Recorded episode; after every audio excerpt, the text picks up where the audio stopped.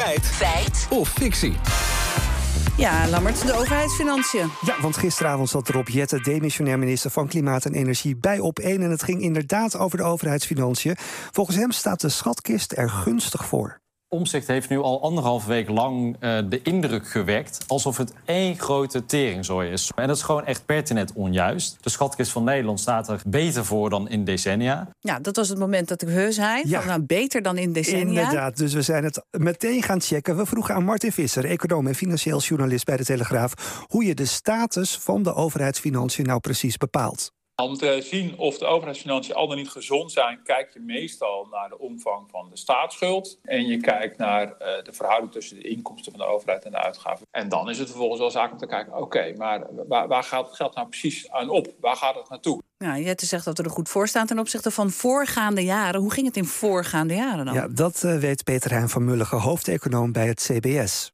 Sinds het herstel na de financiële crisis, dan hebben we het over begin 2015, is de overheidsschuld als percentage van het bruto binnenlands product gestaag gedaald. Op dit moment bedraagt de schuld minder dan 46% van het BBP. En daarmee voldoen we ruimschoots aan het Europese criterium die het voorschrijft dat de schuld maximaal 60% mag zijn van het BBP. En dan lijkt het er nu dus inderdaad wel gunstig voor te staan? Nou, Suzanne, dat is maar schijn, zegt Bas Jacobs, hoogleraar overheidsfinanciën aan de Vrije Universiteit. Een aantal zaken vertekenen namelijk de huidige overheidsfinanciën.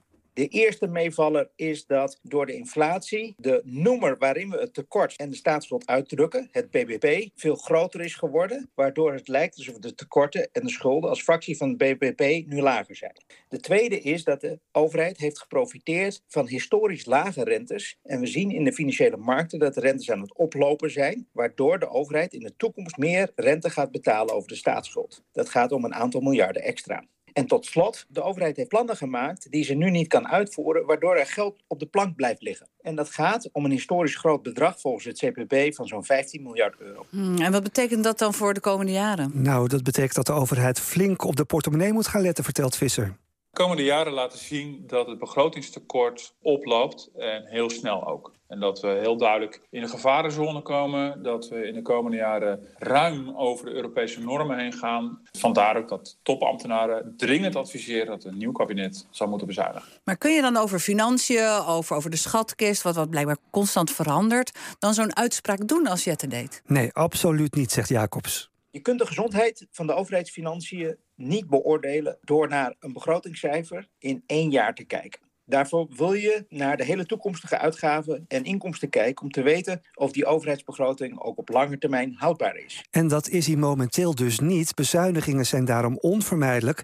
Volgens de experts moeten we rekening houden met hogere belastingen en minder publieke voorzieningen. Conclusie.